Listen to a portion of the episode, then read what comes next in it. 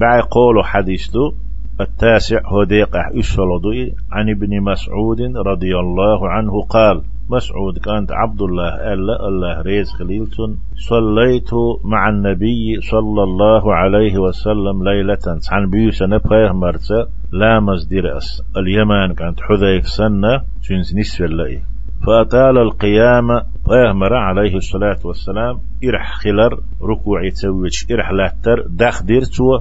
حتى هممت بأمر سوء وبوغ دق بأرسون وهم دق دي أرسون. يواخويلج قيل ألا مسعودية. وما هممت به هدر دق دي أنا قال.